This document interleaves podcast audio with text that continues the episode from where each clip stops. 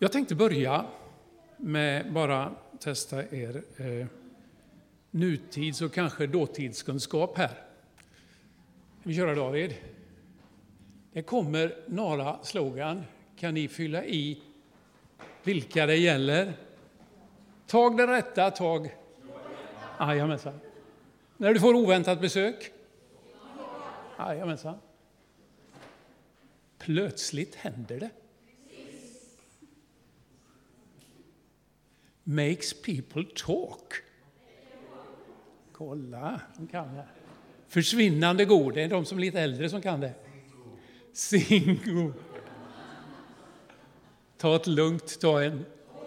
Ja, var det sista? Det finns bara ett sätt att stoppa den, i munnen. Ahlgrens bilar, precis. Här har ni dem.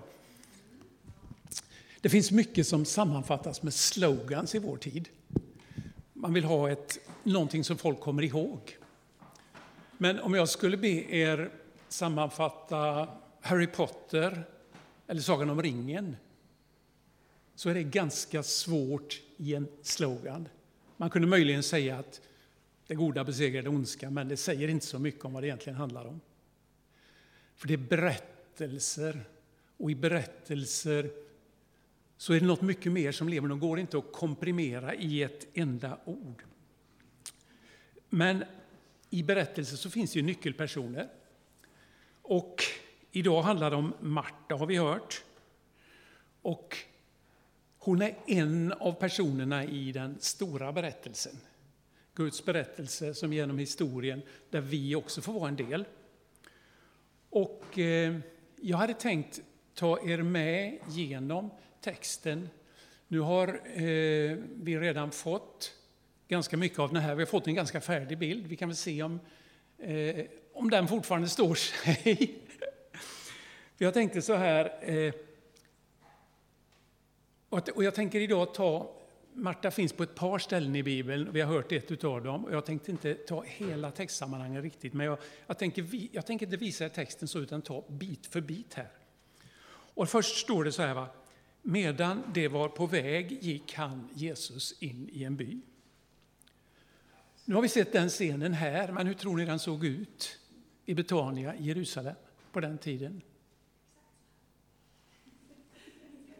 Exakt så här säger Elin.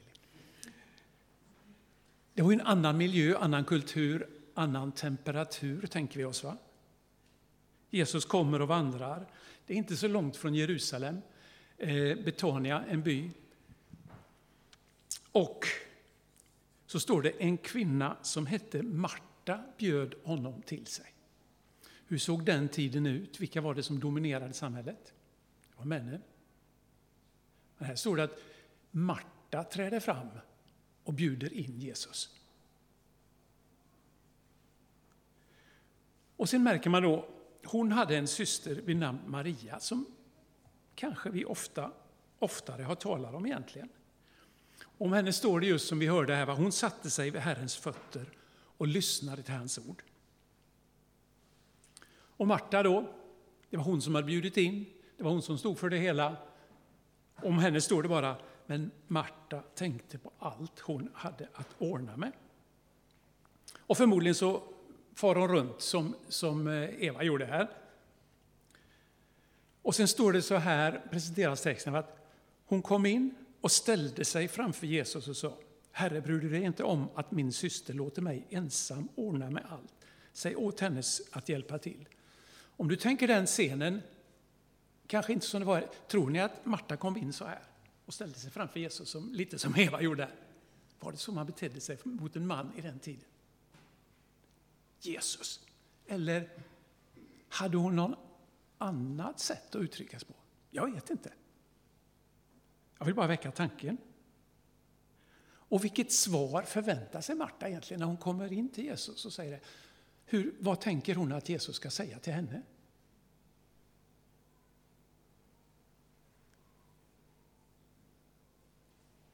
Men det svar hon får, det är ju precis det vi hörde. Marta, Marta, varför gör du dig bekymmer och oroar dig för mycket, fast bara en sak är nödvändig, eller behövs? Maria har valt det som är bäst och det ska inte tas ifrån henne. Och så slutar Lukas berättelsen där.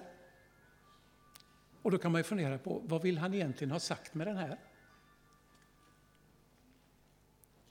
Förmodligen att han vill lyfta fram Maria som ett bra exempel på att lyssna. Men vad hände med Marta sen? Eva gav oss en tolkning. Och använder vi vår fantasi, vad, vad, vad, tänker du att det hände med Marta? När hon har fått det här svaret av Jesus, vad gör hon? Känner hon sig tillplattad av det? Eller nästan förolämpad, för Jesus var ju ganska brysk. Eller accepterar hon det och går tillbaks till köket, eller kanske sätter sig också, vem vet?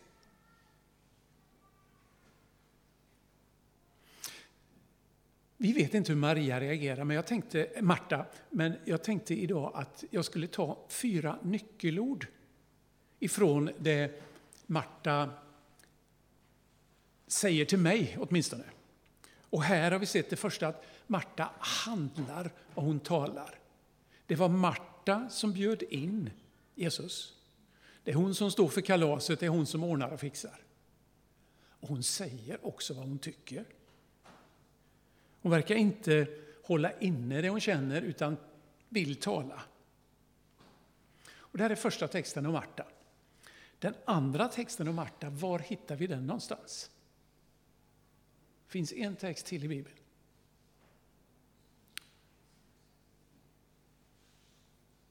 Johannes kapitel 11. Och vad står det där? Den börjar så här. En man som hette Lazarus låg sjuk. Så slås den eh, titeln an. Och så får vi reda på sammanhanget. Han var från Betania, byn där Maria och hennes syster Marta bodde. Och det var Maria som smorde Herren med välluktande balsam och torkade hans fötter med sitt hår. Och Lazarus som låg sjuk var hennes bror. Här möter vi Marta igen, och Maria. Och så har de en bror som heter Lazarus. Och lite längre fram i sammanhanget här så talar Johannes om en sak. Han säger så här att Jesus var mycket fäst vid Marta och hennes syster och Lazarus. De var alltså vänner till Jesus, vilket kanske också kan ge oss en liten hint om hur Jesus och Marta kommunicerade vid förra tillfället. Om de var vänner, hur man reagerade och hur Marta svarade. Marta var helt enkelt en person som Jesus tyckte mycket om. Och Lazarus är sjuk, och hur, hur hanterar systrarna då den här situationen? Jo, det står så här, systrarna skickade bud till Jesus och lät säga, Herre, din vän är sjuk. Och hur reagerar Jesus när han får höra detta? Lite udda kan vi tycka, va? För det står så här, Johannes skriver att när han nu hörde att Lazarus var sjuk stannade han först kvar två dagar där han befann sig. Och i slutet på kapitel 10 så står det att Jesus han befann sig där Johannes först hade döpt. Du kan ta fram kartan där. Du kan klicka en gång till, så ska det komma en pil där. Syns det? Ja, Betania, det ligger alltså eh, på denna kartan står det Getsemane och Siloam, men det är alltså Jerusalem som är där. Så ser ni Betania. Detta är en topografisk karta. Eh, Jordan rinner ner till Döda havet där. Det syns lite avstånd längst ner till höger också, tre kilometer. Men höjdskillnaden mellan Jordan, Döda havet och Jerusalem är över tusen meter. Så när Jesus ska gå dit så har han alltså en ganska bra uppförsbacke att gå, men först så väntar han två dagar och sen ger de sig iväg. Och sen står det, när Jesus kom till Betania då fann han att Lazarus redan hade legat fyra dagar i graven. Marta och Maria skickar efter hjälp från någon som de förväntar sig ska kunna hjälpa när han är sjuk. Men vad händer? Jesus kommer och han kommer för sent. Men så skriver Johannes så här. När Marta hörde att Jesus var på väg Då gick hon och mötte honom. Men Maria satt kvar hemma. Maria sitter fortfarande. Återigen ser vi hur Marta handlar. Och nu talar hon. Och så inleds en dialog som har gått till världshistorien, skulle jag vilja säga. Åtminstone en del av citatet där. Hon börjar så här. Va? Herre, om du hade varit här, då hade min bror inte dött. Men jag vet ändå att Gud ska ge dig vad du än ber honom om. Hon säger alltså ungefär, om bara du hade varit här. Om bara. Har du tänkt så någon gång? När det inte blir som du vill? Gud, om bara du hade varit med i den här situationen. Var fanns du någonstans? Jag har ju bett, men hjälpen kommer inte när jag förväntar mig den, som jag förväntar mig den.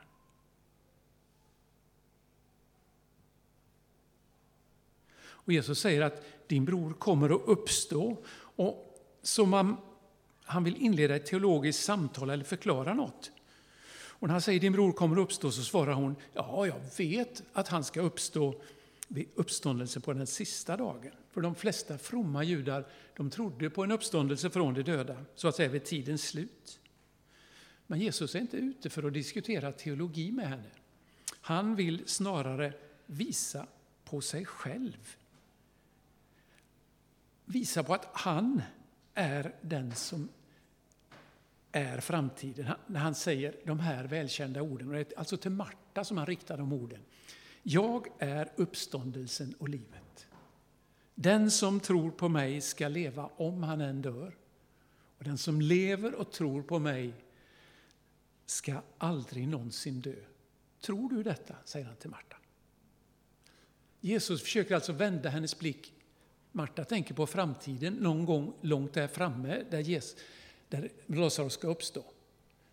Men Jesus vill på något sätt visa som att framtiden finns här. Jag är här, jag är framtiden, jag är den som råder över liv och död. Han är Guds levande ord och så att säga bär framtiden med sig. Och det är det Johannes säger när han börjar att skriva sitt evangelium här, att Jesus är ordet som fanns i begynnelsen, fanns hos Gud och var Gud. Gud har klivit in i historien och han skriver det väldigt tydligt i sitt första brev. Det inleder han så här. Det som var till från begynnelsen, det vi har hört, det vi har sett med egna ögon, det vi har skådat och tagit på med våra händer, det är vårt ärende. Livets ord. Ja, livet blev synligt. Vi har sett det och vittnar om det och vi förkunnar för er det eviga livet som var hos Fadern och blev synligt för oss. Detta är Johannes ärende när han skriver evangeliet. Och det här blir alltså en, ett nyckelbevis i det han säger. Vad Marias, och Maria svarar, eller vad säger, förlåt, Marta svarar. Ja, Herre, jag tror att du är Messias, Guds son, han som skulle komma hit till världen. Här argumenterar Johannes alltså med att Jesus har makt över död och över liv. Och han säger att han är Gud. Och Marta säger att hon tror på det. Och här skulle vi kunna lägga till ett ord till till Marta tycker jag. Och det är det att hon lyssnar, hon handlar, hon talar, men hon hör också vad Jesus säger. Hon lyssnar på honom. Och sen berättar texten om hur Marta går och hämtar Maria. Det följer med ett antal judar som satt och sörjde. Och när Jesus möter Maria och judarna där så står det så här. Jesus föll i gråt. Jesus var människa. Han grät, han kände som vi kan känna. Jesus kunde gråta. Han var liksom inte en abstrakt Gud, en person över allting, höjd över allt, utan han hade känslor. Och när han ställdes inför hela den här situationen, Lazarus död, Marta och Maria förtvivlade över att de har mist sin bror, så började han gråta. Och där framför graven, då står några som uttrycker det jag gissar många tänkte. Va? Ja, men kunde det ju inte han som har öppnat ögonen på den blinde ha gjort så att Lazarus inte har behövt dö? De tänkte väl precis som Marta och Maria att men varför väntade Jesus? Han som vet och känner saker, varför kom han inte i tid? Då säger Jesus bara så här, ta bort stenen. Han låg alltså i en grav med en sten framför. Och vem är det som svarar? Jo, det är Marta. Hon lyssnar och hon är beredd att tala. Hon säger vad hon tycker, och hon säger det alla vet i den kulturen. Vad händer efter fyra dagar i det här klimatet när man har legat död? Förruttnelsen sätter igång. Inte alls trevligt att öppna graven i det läget. Utan Marta svarar, Herre, han luktar ju redan, det har ju gått fyra dagar. Men då tittar Jesus på henne och så säger han, har jag inte sagt dig att om du tror ska du få se Guds härlighet? Och vad händer? Jo, Marta handlar. Och, här ska vi lägga till mitt fjärde ord, Marta förtröstar. Hon handlar, hon talar, hon lyssnar och sen förtröstar hon, hon litar på Jesus. Hon vågar lita på det. Och då får de som står i graven vara med om det här undret att Jesus ropar på Lazarus. Lazarus kliver ut ur graven. Jag börjar med lite slogan och vill runda av då med att den kristna tron kan inte sammanfattas i en slogan. Vi ska säga att Jesus har makt över döden, men det säger inte så mycket egentligen om evangeliet. Men vi lever i Guds stora berättelse. Marta var en del av den här berättelsen. Och jag tänker mig att jag skulle vilja skicka med de här fyra sakerna med er idag. Och poängen tänker jag är då att vi skulle kunna använda de här sakerna i vårt eget liv, kanske i vårt möte med Jesus, kanske i vårt möte med vardagen. Eh, att tala, att säga det som finns i hjärtat. Någon av de gamla ökenfäderna sa att lär dig att säga det som finns i ditt hjärta. Att lyssna, att ta tid att lyssna in ett svar. Att handla när det är tid att handla. Och att förtrösta, att lita på Jesus.